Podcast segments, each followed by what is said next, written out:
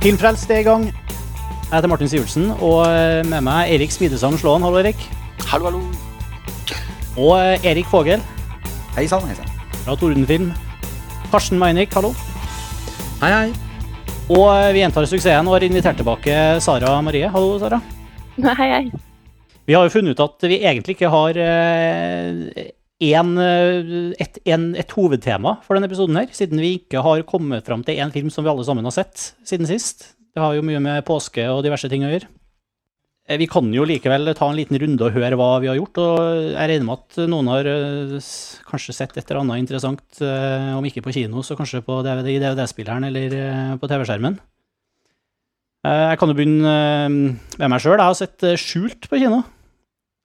Det er også den nye norske skrekkfilmen, eh, må vi kalle det, fra regissør Pål Øye og med Kristoffer Joner i hovedrollen. Er det den Villmark 2 du snakker om? Haha. Eller Nå har jeg ikke sett Villmark-filmene, så jeg har ikke noe Det er bare en Villmark-film. Ja, ok.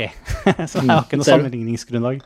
Jeg, jeg må jo innrømme at eh, det er ikke noe sånn sjanger eh, norsk Det er ikke en sjanger som jeg har veldig god mye erfaring med. Jeg har dere sett de andre sammenlignbare norske filmene? Altså, når du sier villmark eh, Jeg har sett naboer, da. Jeg vet, som jeg kanskje kan sies å være i samme sjangeren. Ingen andre har sett skjult her, regner jeg med? Nei. Nei, men jeg har sett, eh, jeg har sett alle de andre. Fritt vilt og villmark og rovdyr og i det hele tatt.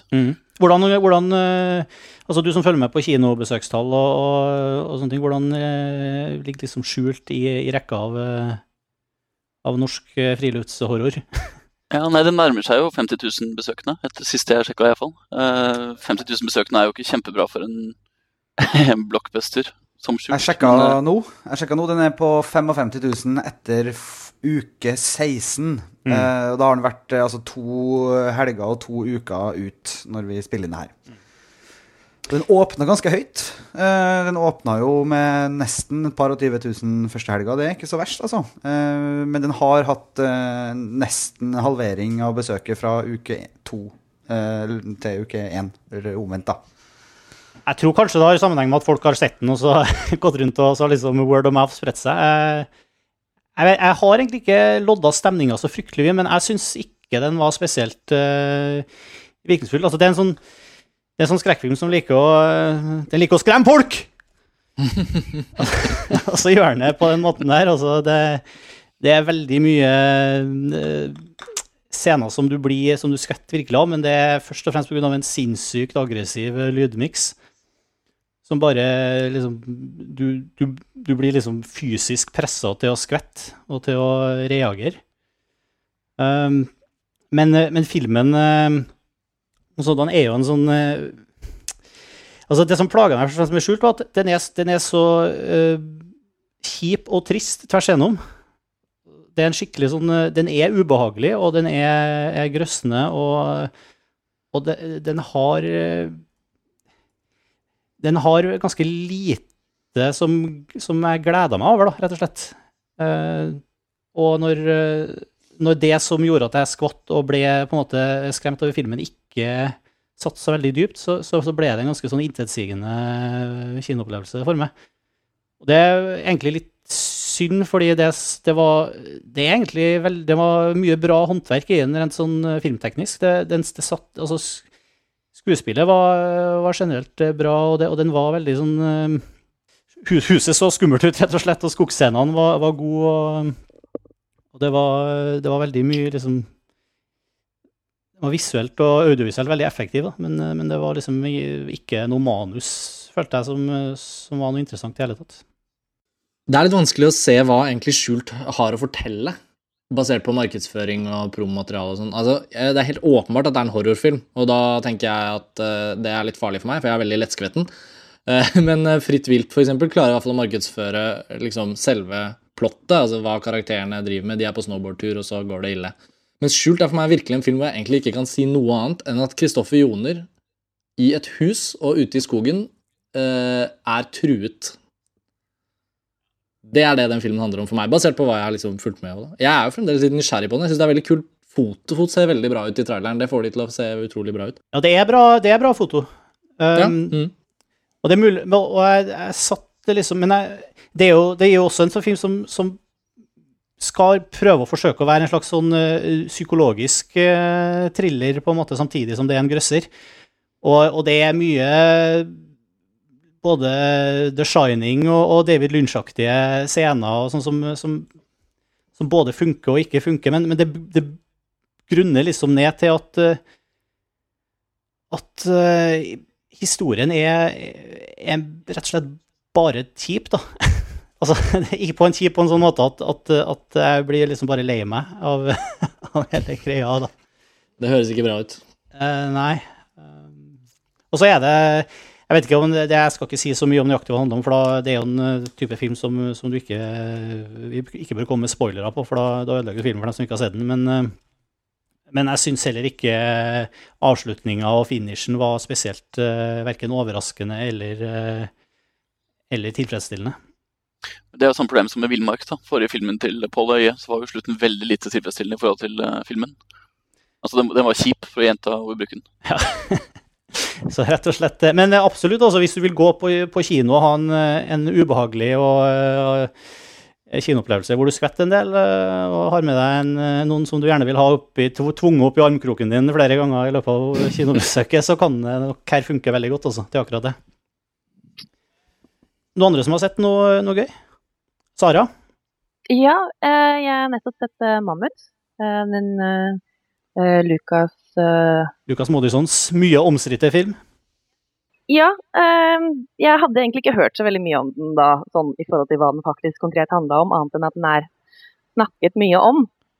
og leste da på Filmweb at det var så ut som en spennende film og en bra film som jeg gleda meg masse til å se. Og så Den er om ja, et ektepar i New York um, Nå husker jeg ikke navnet på det. Jo, Leo Ellen. Som uh, jobber masse og reiser mye. Og det er De er hovedkarakterene, men i hele filmen så har du også 18 andre karakterer som har hvert sitt liv som på en måte er sammensveisa med dette paret sitt liv. Og det er vanskelig å si hva filmen egentlig går i, fordi den den har så sykt mange forskjellige historier som da tas opp med forskjellige konflikter og forskjellige problemer eh, på hele, si, eh, i hele verden.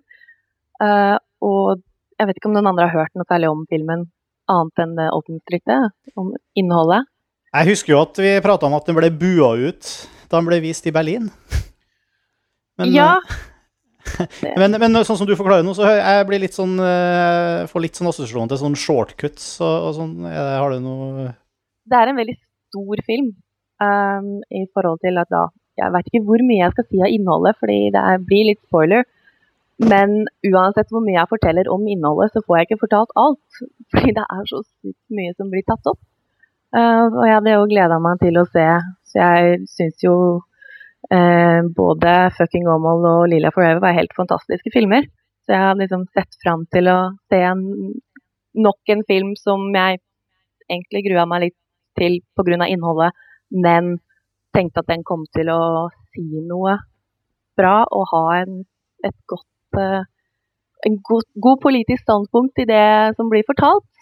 Og det har den, men den er veldig politisk korrekt. Og den tar opp så sykt mange problemer som fra familieforhold og Vesten mot Østen og fattigdom og forurensning og prostitusjon og sjalusi og mors, morsrolle og avstand til de du er glad i, og så videre og så videre og så videre.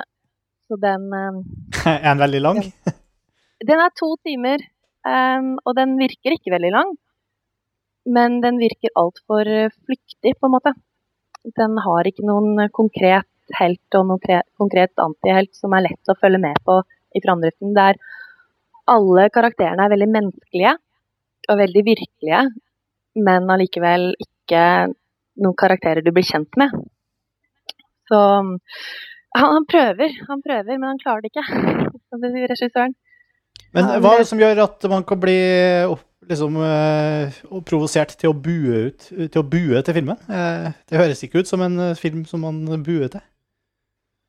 Nei, jeg, jeg veit ikke. Det er vel det at den den er så pretensiøs, egentlig, i alle de store problemene den tar opp.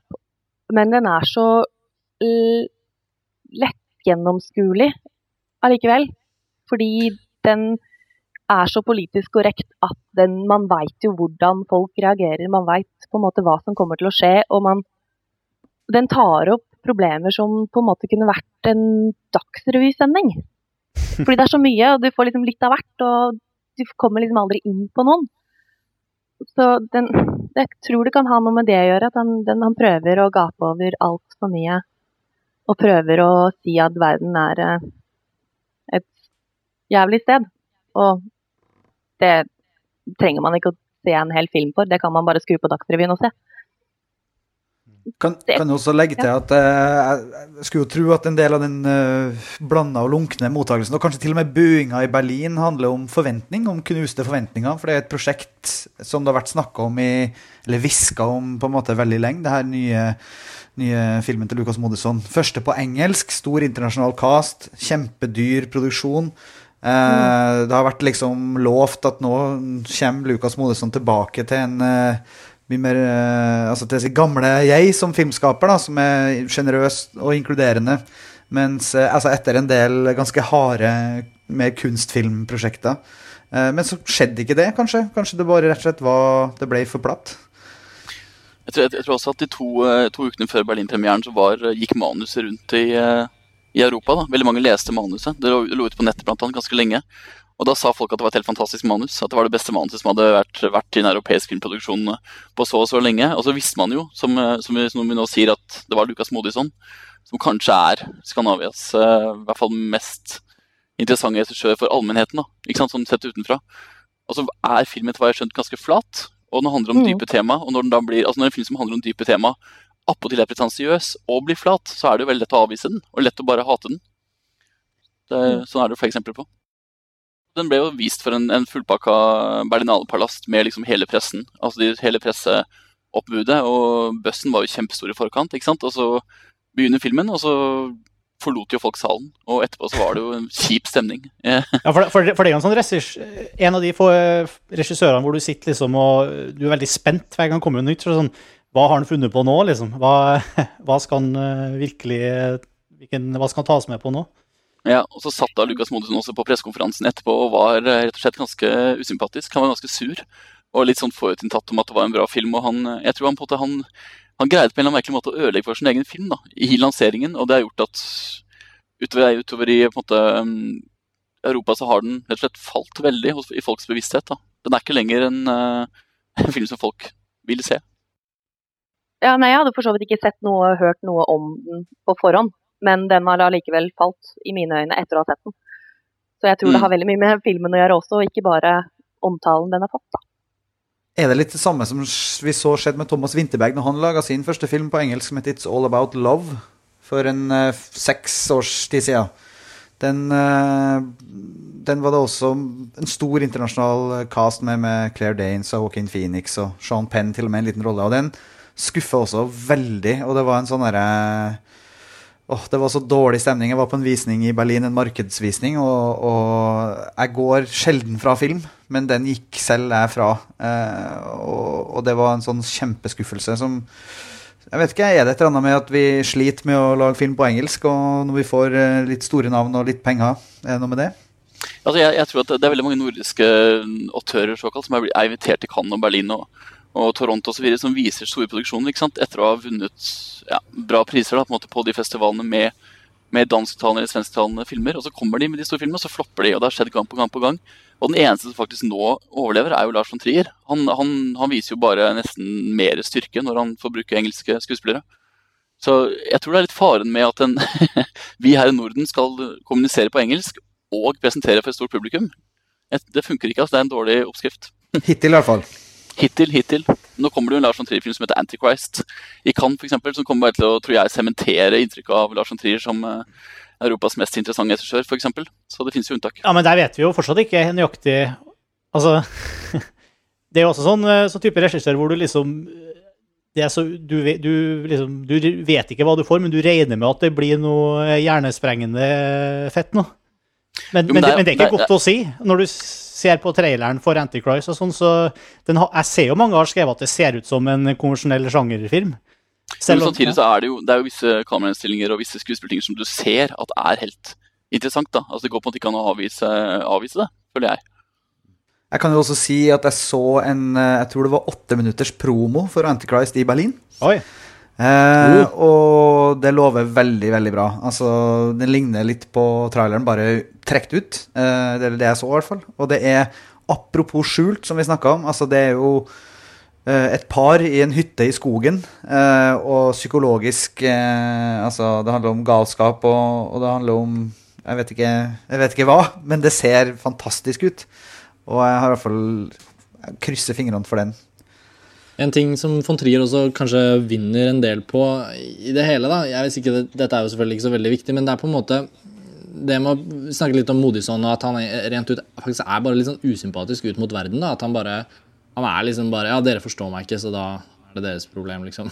På en måte. Mens von Trier er liksom han er liksom så selvdestruktiv nesten i måten å være på.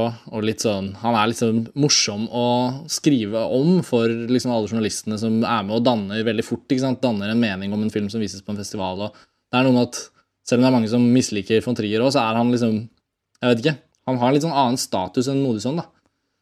Han er jo en eh, sånn eh, fenomen. Han er sånn eksentrisk, en litt sånn nesten Ja. Han er, han er jo, god, han er god på å dyrke sin, altså myten om Ja. seg sjøl som kunstner. Da. Ikke sant, ikke sant. Eh, og har et apparat rundt som har gjort det i 20 år. og så er det jo veldig fortjent. Ikke, ikke glem det. altså Lukas, Mod Lukas Modusson er sær og usympatisk og egentlig ganske ekkel. på en måte. Og han er en god regissør, men han har laget filmer sånn som 'Container' og et, 'Et hold mitt hjerte' som veldig mange avviste, på en måte bare som sånne egoistiske kunstprosjekter. Mens Lars von Trier har jo uansett hatt en eller annen appell hele veien. altså Han har alltid gjort et eller annet som har vært interessant.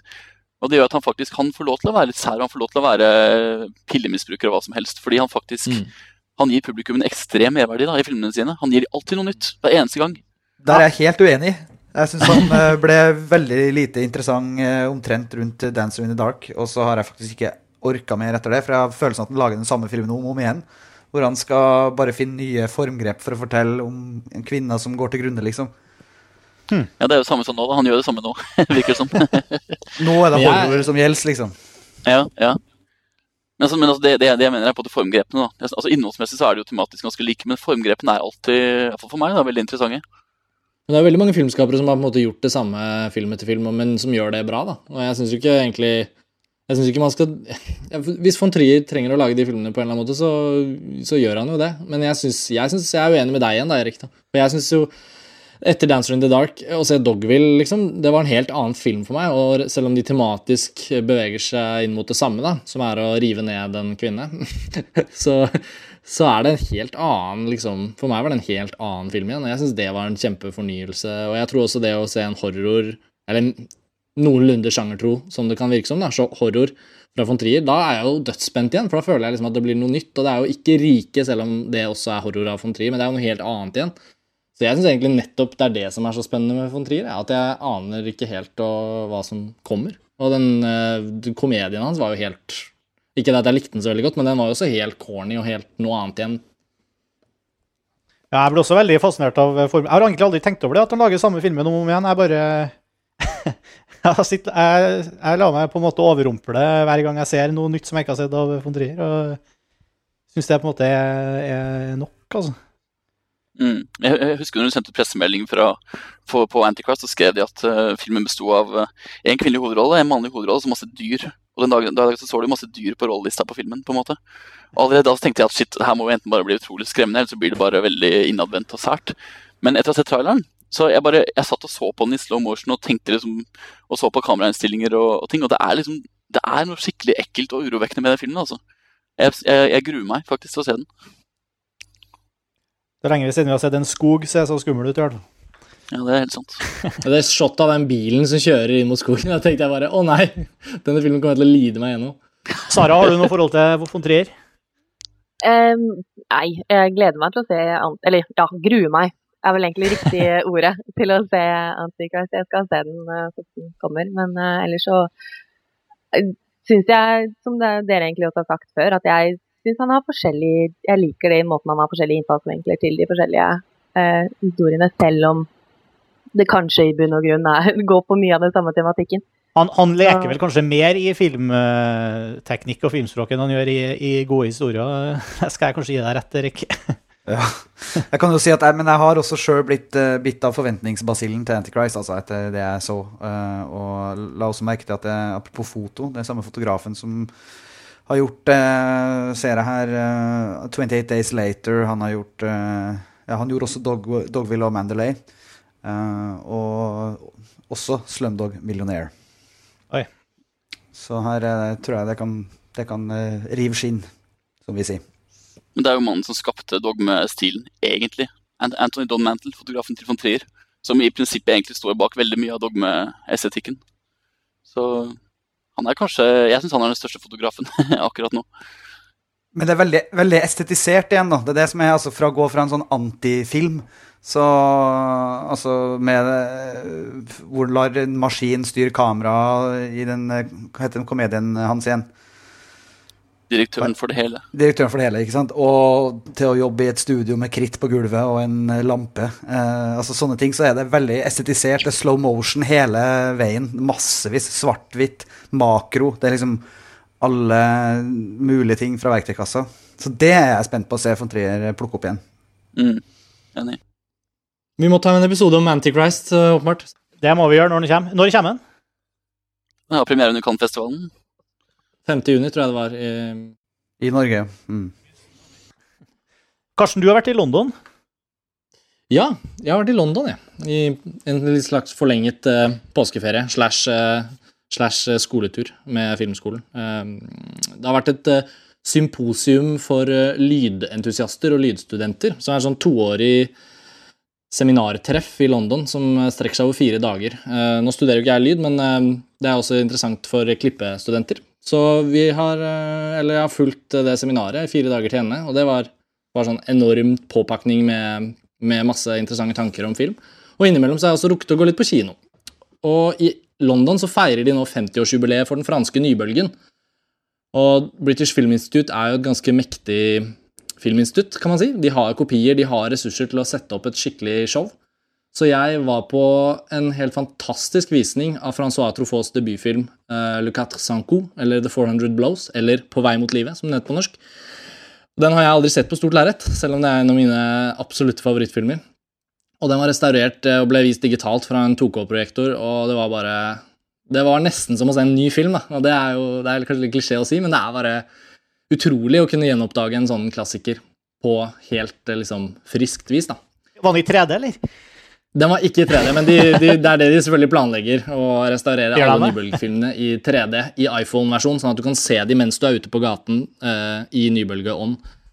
Nei, det planlegger jeg ikke. ja, men uh, for, for, oss uinnvidde, hva, hva, er den franske nybølgen? Ja, altså Den franske nybølgen er uh, en veldig veldig sentral bevegelse i filmhistorien som, som har liksom medført store deler av det moderne, liksom, lekne filmspråket som vi ser referanser til hele tiden i dag i nye filmer. Eh, den, den var et resultat av en gruppe filmkritikere og filmskapere, unge cineaster i Frankrike. En teoretiker som heter André Bazin, som eh, formulerte autørteorien. Eh, Eirik, du må bare fylle inn her hvis jeg glemmer noe. Men han så var det en mann som het Henri Langlois, som hadde et cinematek i Paris som var veldig veldig populært. Så det var veldig mange unge mennesker som kom til hans filmsamling og så amerikansk film, og, eller veldig mye amerikansk film særlig. da, og Så ble det skrevet en del teorier, og de skrev og dannet et tidsskrift som het Gaillet du Cinema, som er liksom tidenes viktigste filmtidsskrift. Og så, etter hvert, så fikk noen av disse unge kritikerne og filmentusiastene ånden over seg til å skrive sine egne filmer. Eh, og på den samme tidspunktet så var det en forløsning i kamerateknologi som gjorde at en del 35 mm-kameraer og 16 mm-kameraer ble så små og håndterlige at man bare kunne ta dem med seg ut på gaten og filme. Og med det som utgangspunkt så oppsto en del fraksjoner, og det ble laget en del filmer. Og man regner da Cannes-premieren på denne Truffaut-filmen, uh, The 400 Blows, i 1959 som en slags startskudd for nybølgen. da. Og da kom også Jean-Luc Godard året etter med sin debutfilm. Um, 'Breathless', eller hva heter den på fransk igjen? Um, Abou. Abu Dussouf. Ja. Og, og, og, Jacques Rivette og Claude Chabrol og en del andre filmskapere uh, som var en del av denne gruppen av kritikere, eller med utgangspunkt i en slags sånn kritikergruppe, kom med filmer. Og tørrteorien kan man slå opp på Wikipedia, men i essens så handler jo den om at filmskaperen skal være den på en måte forfatteren av verket, istedenfor at det nødvendigvis er én manusfatter som leverer et manus til en produsent som en regissør som kom bli leid inn til å gjøre, så skulle liksom filmene i mye større grad komme fra filmskaperen som en slags forfatter. Nå, det ble til veld, veldig grovt og veldig muntlig, så det kan godt hende jeg glemte en del detaljer, men det er i hovedsak nybølgen, da. Jeg kan også føye til at nettopp den, her, eh, altså, den inspirasjonen fra amerikansk Hollywood-film er veldig interessant. Særlig når man i dag kommer trekkende med autørteorien. Fordi de amerikanske regissørene, de her franske, så opp til, var jo Howard Hawks, Billy Wilder og andre som var studioregissører, men som til tross for det kunne sies å være autører. Altså De satte sitt preg på, på, på filmen, hadde sin signatur. Til tross for om de laga en krigsfilm eller om de laga en western. eller hva de gjorde. Og Hitchcock, ikke minst, som var en veldig veldig stor innflytelse på Truffaut, da, som er min favorittregissør av nybølgeregissørene. Så det, det, er en kjempeinteressant filmbølge. altså For de som ikke nødvendigvis har lest så mye om det før de hører på dette, så er det jo en oppdagelse virkelig å begynne å sette seg inn i. altså. Og nå som det er 50-årsjubileum, så kommer det helt sikkert til å være mye snakk rundt det, og mye ting som skjer, kanskje også i Norge. Jeg vet ikke. Og da er Le Quatre Cent Co et godt sted å begynne? Ja, det er en helt nydelig film. Den og Abu de Souffle, de to, det er kjempeflott. Men det som jeg brukte noe av anledningen til i London, var da å søke ut noen nybølgefilmer som de viste som jeg absolutt ikke hadde et forhold til, og ikke hadde sett, og knapt visste hva det handlet om. For det er jo veldig mange av de filmene som ble laget i de årene hvor det liksom skjedde, som ikke har tålt tidens tann. Og det syns jeg var litt interessant. En del av programmeringen på BFI som de gjorde, var at istedenfor å fokusere på disse store mestrene som det har blitt snakket om år etter år, etter år, etter år, så prøvde de å løfte fram en del filmer som var en del av bølgen da det skjedde, men som på mange måter har blitt glemt av ettertiden. da. Så jeg var og så en Jacques Rivette, Jacques Rivette sin debutfilm. Det er da en filmskaper som fremdeles lager film. Han er gammel nå, men han er fremdeles aktiv. Men hans debutfilm heter altså Paris nous appartient, som betyr Paris belongs to us. Eller Paris hører til oss som jeg absolutt ikke hadde hørt om engang. Altså, jeg hadde ikke lest om engang, og den skulle vises da uh, på den uh, visningen. Og da, det var ingen som ville være med meg, så jeg dro sånn alene. Og jeg så lett at den ikke hadde tolv tidens tann, både pga. tematikk og pga. skuespilleri. Men den var nesten mer leken i formgrep, da, som også har vært med å identifisere hva nybølgen består av. Veldig lekent forhold til hva, hvordan en film kan være, hvordan historien kan fortelles så, men den varte altfor lenge. Da. Den var ganske dårlig klippet. Den varte liksom to timer og 20 minutter, og den var veldig selvhøytidelig og hadde ikke så mye humor som mange av de andre filmene har. Så det var ikke en veldig bra film. Men det var jo da, for en liksom, veldig veldig filmnerd så er det jo ganske gøy å ha sett en av de som liksom ikke varte, da. En tidløs klassiker, terningkast to. ja, ja, nettopp! Der kan du bruke den. Kanskje God morgen, Norge, eller God kveld, Norge, eller hvem det er. Men det som er veldig viktig er jo at for de franske nybølgene var en, mot, en motbølge ikke sant, når den kom ut. Altså Den var en motbølge mot kostymedrama og adaptasjoner av franske svisker. på en måte, når den kom. Så var det veldig mye lavbudsjettsfilm. De hadde ikke, faktisk ikke penger til å drive og klippe ned i hytt og pinne og gjøre lydmiks. Og de er ganske ja, sånn strippa. da. Og mange av de er jo faktisk den dag i dag altfor lange, fordi nettopp ikke De ble nesten ikke vist ikke sant, i sin tid. Altså de, Derfor er det filmer som er type 20 minutter for lange, og så bare virker de helt uh, absurde nå i dag. For de har ikke vært igjennom den der eh, finansieringsprosessen, da, hvor de på en måte trimma ned og tilpassa publikum. Og Derfor er de veldig ekte, ganske mange av de. Det, det finnes veldig mange ukjente nybølgefilmer nettopp fordi at de var laget på lave budsjetter, som gjorde at de heller ikke ble lansert spesielt stort. Og så ble de heller aldri testa ordentlig på et massivt publikum. Og dermed ble de glemt. Og dermed er de også veldig mange av de lange og egentlig ikke kjedelige, men de er, de er alltid ganske interessante. Men de kan være litt sånn intetsigende og som du sier, ganske pompøse eller pretensiøse. For det var jo en gjeng med ganske navlebeskuende franske unggutter på en måte, som skulle vise at de var best i hele verden. Uh, så den kombinasjonen der da, gjør at de, de er lette å avvise, mange av de nybølgefilmene. Som litt kjedelige. Og da var det jo ikke noe rett på videomarkedet engang?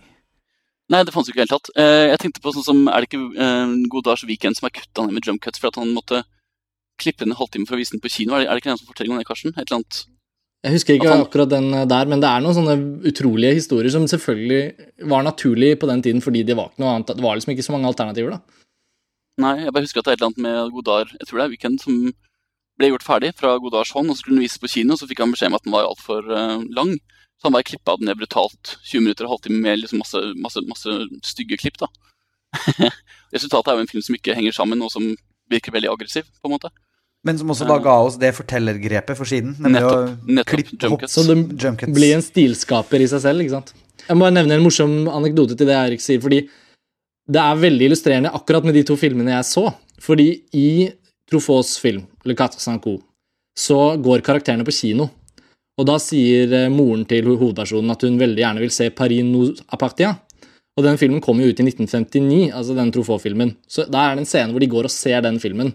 Og det er jo den nybølgefilmen som jeg var og så, men den kom ikke på kino før i 1961. Så først to år etter. Og det er fordi at eh, Jacques Rivette lagde filmen på skrapebudsjett og filmet når han hadde noen penger, og lånte film av andre. Og filmen bærer jo preg av det at plutselig er lysforholdene helt forandret mellom fra scene til scene. Så at selv om referansen Truffaut puttet inn referansen fordi han trodde filmen kom til å bli ferdig, eller for, en, for å hylle kameraten sin, men så ble jo ikke den filmen ferdig for to år etterpå, så det er en veldig merkelig, merkelig kobling der, da. Men det er jo et veldig godt eksempel på akkurat det. Morsomt. Ja, det, er jo, altså, det er uten tvil den mest kreative filmbølgen i historien, på en måte. På alle måter. Teknisk er det det, historiemessig, skuespillmessig. Altså, den, er, eh, den er helt unik, og den er jo faktisk, det er jo kanskje den mest klisjéfylte bølgen også, for det er den mest omtalte og mest viste. ikke sant? Men samtidig, det er den viktigste. Så alle som ikke har sett fransk nybølgefilm, må i hvert fall gå inn på Play og kjøpe seg et par eh, kopier. Var det klisjeer da de kom da, eller eh, var det da klisjeene Nei, ble nei, skapt? nei, nei, selvfølgelig ikke. Altså, altså, fransk film på den tida var jo vant med å være type sånne overbudsjetterte kostymedrama og adaptasjoner av sånne gamle romaner. på en måte. Og så ønsket jo ikke, altså Da var det skutt i studio, og det var store scener osv. Og så valgte de gutta her å gå ut på gata og skyte det med sola som lyskilde og klippa på bakrommet. på en måte. Litt sånn som mange lager film digitalt i dag. da. Eh, Og da ble det jo et mye råere uttrykk, og de kunne faktisk også ta opp en del tema som eh, ikke, er tatt opp, ikke ble tatt opp før det. da. Blant annet er det ganske mye sånn eksistensialisme i de filmene. altså Psykologi. Selv om noe av det er litt pompøst, så er det et forsøk på å vise mennesket sånn som mennesket er. da. Så løp og se. Det går jo en sånn eh, rendezvous du cinéma français eh, på Vika kino for de som er i Oslo. Nå i mai og april. På lørdager og tirsdager så vises det en del franske filmer, og det er ikke så ofte de kan sees på kino. Så sånn apropos fransk film. Når vi snakker om eh, film i filmreferanser og autører og sånn, jeg må jo bare nevne jeg så, eh, jeg så Adaptation på DVD i går. Det, jeg, har, eh, jeg har sett den før, men den sank ikke skikkelig inn første gangen. Men eh, jeg jeg ble jo frista nå etter at vi, etter at vi så um, det var i New New York, selvfølgelig. Adaptation uh, skrevet av Charlie Kaufman og regissert av Spike Jones. Eh, fantastisk eh, film. Altså. Den eh, ble ja, virkelig, virkelig bra, syns jeg. Og det er en film som har enorm gjensynsverdi. Ja. Jeg har sett den ganske mange ganger, og den er bare Den blir for eksempel veldig mye morsommere og morsommere. Den blir morsommere. Og så blir- og så er det så artig hvordan den blir ganske kjip når Når, det, når liksom plottet går over i eh, i McKee story-modus, så blir den Ja, når, det blir en Donald, når det blir en Donald Kaufman-film. Ja, så blir det en, blir det en kjip film, liksom, og det er så bra. Det er helt utrolig hvor mange nivåer den filmen funker på. Ja. Men ok Um, Fra fransk bølge, Erik, hva har du gjort for noe sist, siden sist? Jeg har sett eh, Jeg kan i hvert fall si at jeg har sett 20 minutter av en film som heter My Name Is Bruce. Eh, før jeg måtte gi meg på DVD. Det er en uh, Bruce Campbell spiller seg sjøl, eller en slags uh, fiktiv utgave av seg sjøl. For dem som ikke kjenner Bruce Campbell, uh, så er det da han som spiller hovedrollen i uh, Sam Raimi sine Evil Dead-filmer. Og han er en sånn Han har sånn veldig sånn berømt firkanta kjeve. Og er en tøff uh, hunk. tøff og morsom hunk. Men i My Name Is Bruce så har han blitt en fallert eh, Der, der spiller han uh, en karakter, en parodi på seg sjøl, som har liksom falt til de dypeste avgrunnene av C-film, eh, skrekkfilm og, og sjangerfilm, og lager noen sånne håpløse greier. Så blir han Eh, han, han blir uh, kidnappa og tatt med til en landsby som har et sånt problem med en gammel kinesisk uh, uh, spøkelse som driver og hjemsøker dem og kapper huet av uh, landsbybeboerne i, i de dype sørstatene i USA. Så de tror at eh, han tror han fortsatt er med på en film. Og de her eh, folkene som har kidnappa han, vil da tro at han er, en, eh, han er like tøff som han er på, på film. Så går han da i, i kamp med det her kinesiske spøkelset. Og han drikker og røyker og bannes og, og alt mulig sånne ting. Og er helt fullstendig amatørmessig og grusom og anbefales ikke. Ideen er så god, da. Ideen er så bra. Eh, altså en, en, en C-filmstjerne som tror han er med i en film, eh, men hvor det er et ekte kinesisk eh, spøkelse som kapper huet av folk eh, i en sånn derre deliverance-bygd. Men dessverre forferdelig dårlig gjennomført og virkelig utrolig umorsomt. Men Bruce Campbell, har han noen solid Han har jo spilt i masse filmer, men det har jo vært masse bare sånn nesten cameo eller småroller. Har, har han hatt noe Har han hatt noe virkelig liksom uh, Skikkelige ting siden eh, Evil Dead og Nei, det, han har jo gjort liksom andre slasherfilmer og sånne type ting. Jeg tror han var med i Maniac Cop og sånn. Altså, eh, han har liksom aldri slått igjennom i, som, som mainstream-skuespiller, men han er, en, han er en stor kultskuespiller. Det er han fortsatt. Han har en fanskare. Men, men det er jo ut, eh, utelukkende pga. Evil Dead. I utgangspunktet, ja, men jeg tror også at folk, eh, det fins folk eh, som også da portretteres i den filmen My Name Is Bruce, som er fansen hans, som tilber han nesten religiøst, og som ser alle filmene hans uansett hvor dårlig de er. Dem tror jeg også fins, da. Jeg ser IMDb liste opp en eh, 2009-produksjon som heter Heart of Darkness. det, det sier kanskje litt om Be behind the scenes Nivået. of My Name Is Bruce. Er det behind the scenes, ja? Oh, ja, Av, eh, av den filmen, som, Ja. du, som du sa. Så det er en slags sånn henvisning til bakom-filmen på Apokalypse nå, som heter Hearts of Darkness. Ja, men, da, Det må jo være det. men når det skal sies at jeg hørte et veldig bra intervju med Bruce Campbell på en podkast, og han er en kjempemorsom, reflektert fyr. Han har nettopp skrevet en bok også om det her med å være Bruce Campbell, eh, som jo er Han har noen gærne fans, eh, og han har noen historier å fortelle fra innspillingene sine. Så den her fikk jeg mer lyst til å, til å lese enn å se noen flere filmer av den, i hvert fall. Men en ting... Det er noen paralleller Hva sa du, Karsten?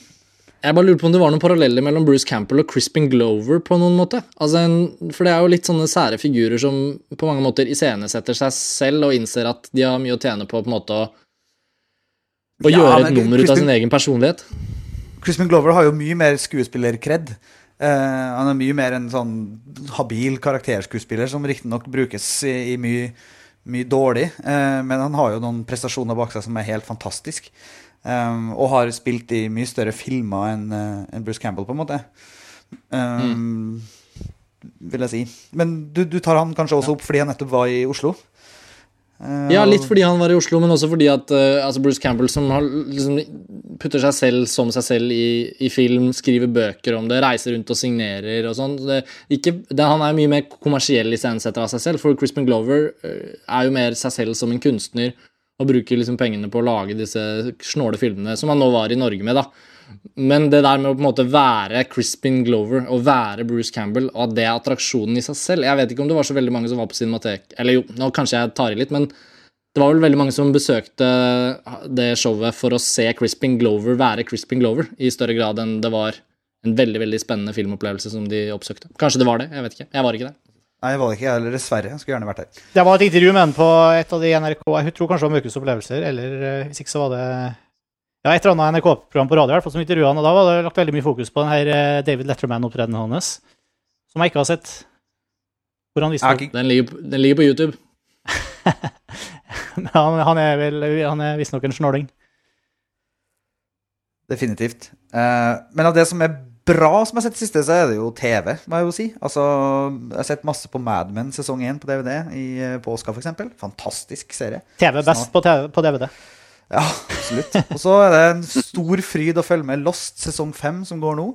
Eh, er det noen andre her som ser på Lost fortsatt? ja, ok. Lost har det var ferdig med det temaet. Jeg så så mye på Lost, men så har jeg slutta å se etter sesong tre eller noe. Og så switcha jeg over eh, her forrige dagen på TV, så gikk vel Jeg tror vel det er femmeren som går nå. Og da var det plutselig noe helt annet og tilbake til eh, begynnelsen igjen, syns jeg. Så Er, er det gode, gamle begynnelsen?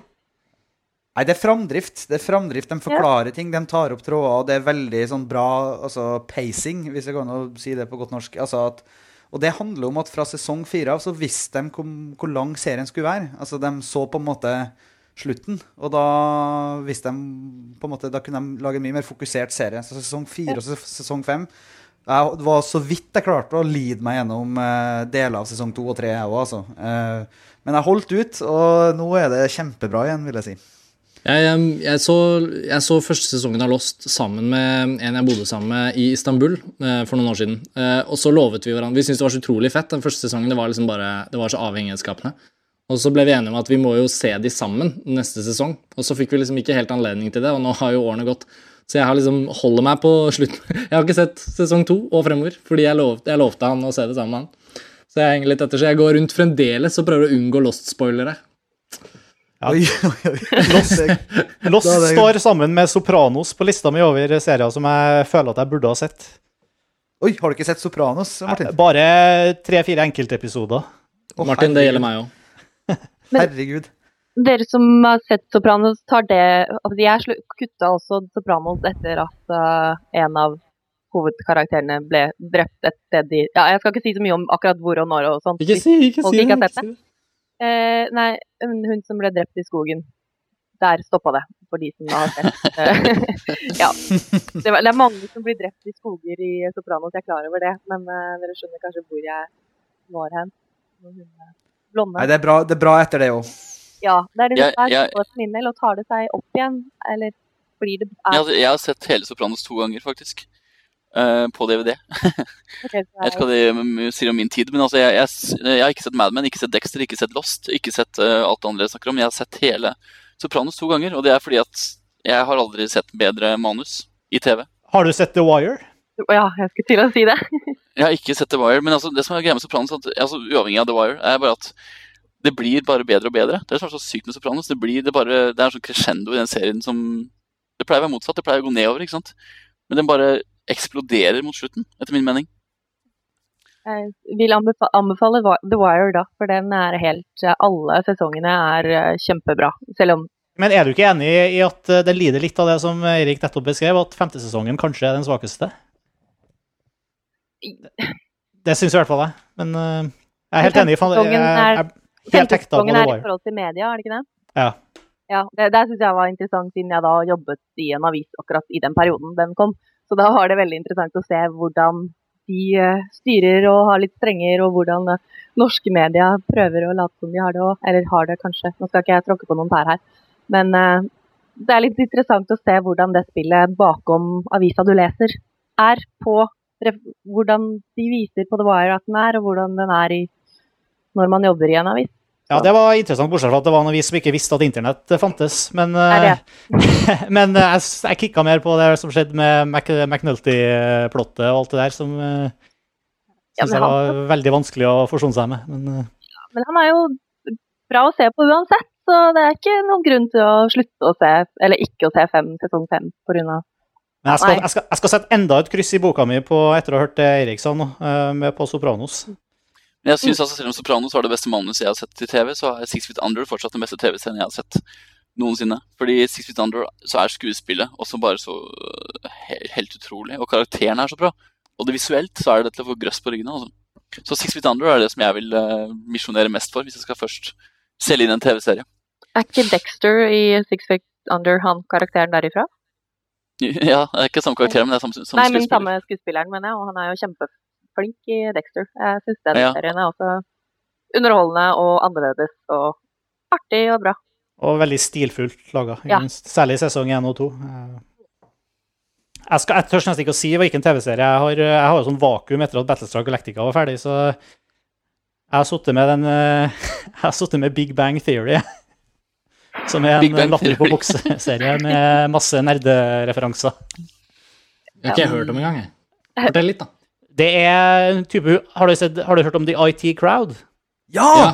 Det er samme type humor, på en måte. Det er Altså, det, alle episodene begynner med en eller annen sånn latterlig diskusjon om uh, hvordan klarer Supermann alltid å holde drakta si rein og fri for svette, eller liksom Jo, det er fordi han flyr inn i sola med jevne mellomrom, og da brenner av alt som ikke kommer fra, fra krypton og, og, Eller tidsreiseparadokser i filmer. Altså, det er bestandig noen sånne skikkelige, skikkelig supernerda diskusjoner inni her, da, i tillegg til at det er en sånn morsom eh, his, eh, serie som alle kan relatere seg til, fordi det er sånn eh, mye situasjonskomikk med, med nerder i, i sosiale sammenhenger som ikke funker. Men det, det er uansett ja, hyggelig og veldig sånn bite-sized 20 minutters episoder som er greit å ta fram når jeg bare må liksom sette meg ned og ja, kule den i 20 minutter, liksom. Um, kan absolutt anbefales, men det, det er jo ikke noe Det er en litt annen type produksjon enn de vi har snakka om.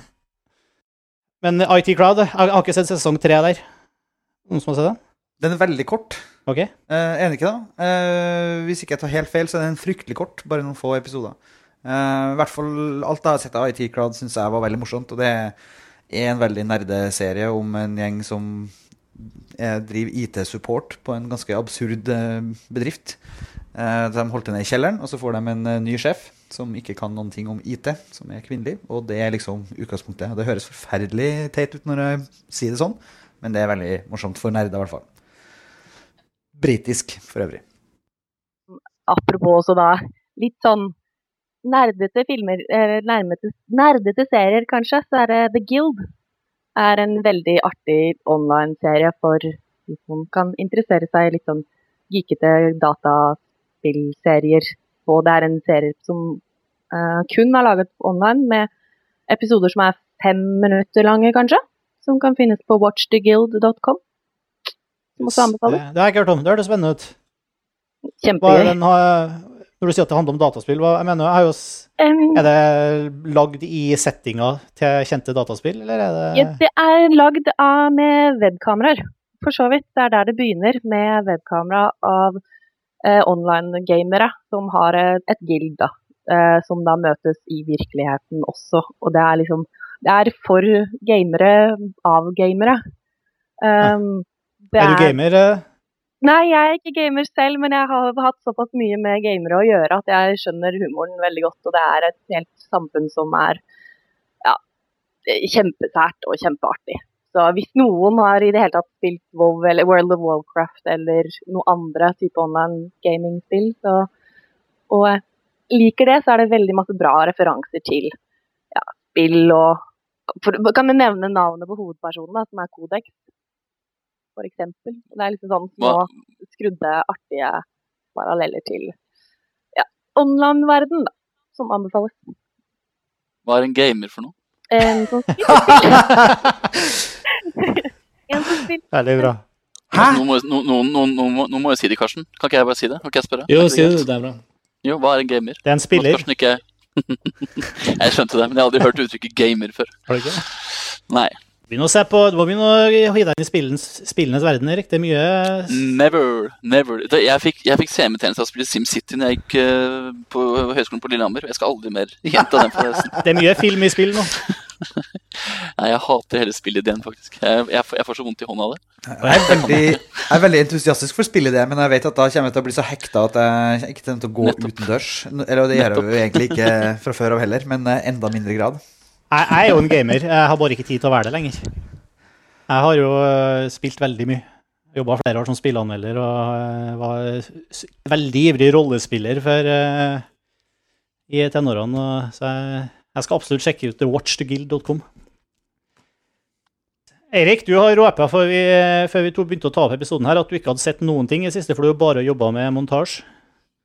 Nei, Jeg, eh, altså, jeg var på hytta en uke og gjorde ingenting. Og hadde iPhone med 3G. Og fikk sjekka mail, men ellers var jeg helt avsondra fra enhver påvirkning. Men jeg har jobba med montasj, montages.no, og Kortfilmfestivalen i ett siste uka. Bortimot eh, 22 timer i, i døgnet. Eh, Og Kortfilmfestivalen øh, er nært forestående. Ja, vi har akkurat gjort ferdig Norsk Kortutvalget, altså norske kortfilmkonkurransen. på en måte. Forhåndsjuryen har, eh, har bestemt seg. Eh, og vi holder på med seminarplanlegging og eh, programmering generelt, så det har vært ganske mm, hett på Filmens hus de siste dagene. Men morsomt. Veldig morsomt.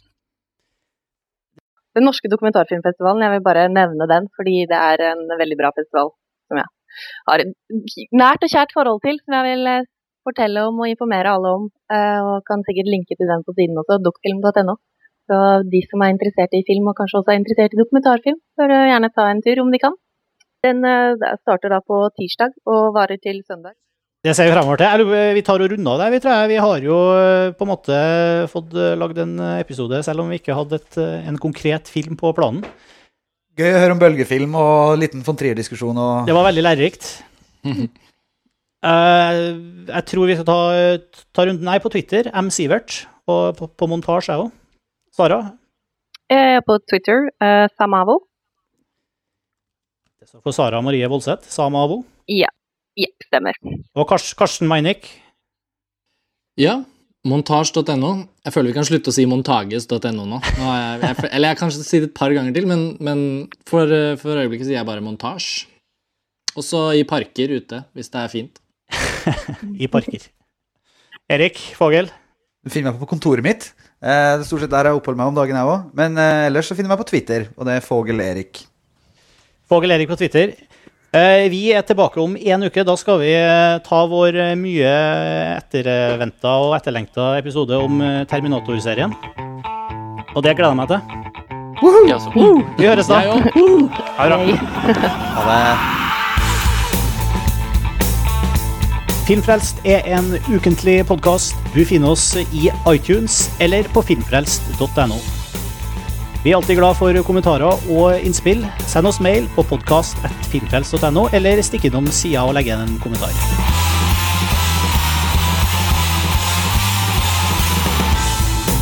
Flere av oss her i Filmfrelst skriver også jevnlig om film på det norske nettstedet montage.no. montages.no.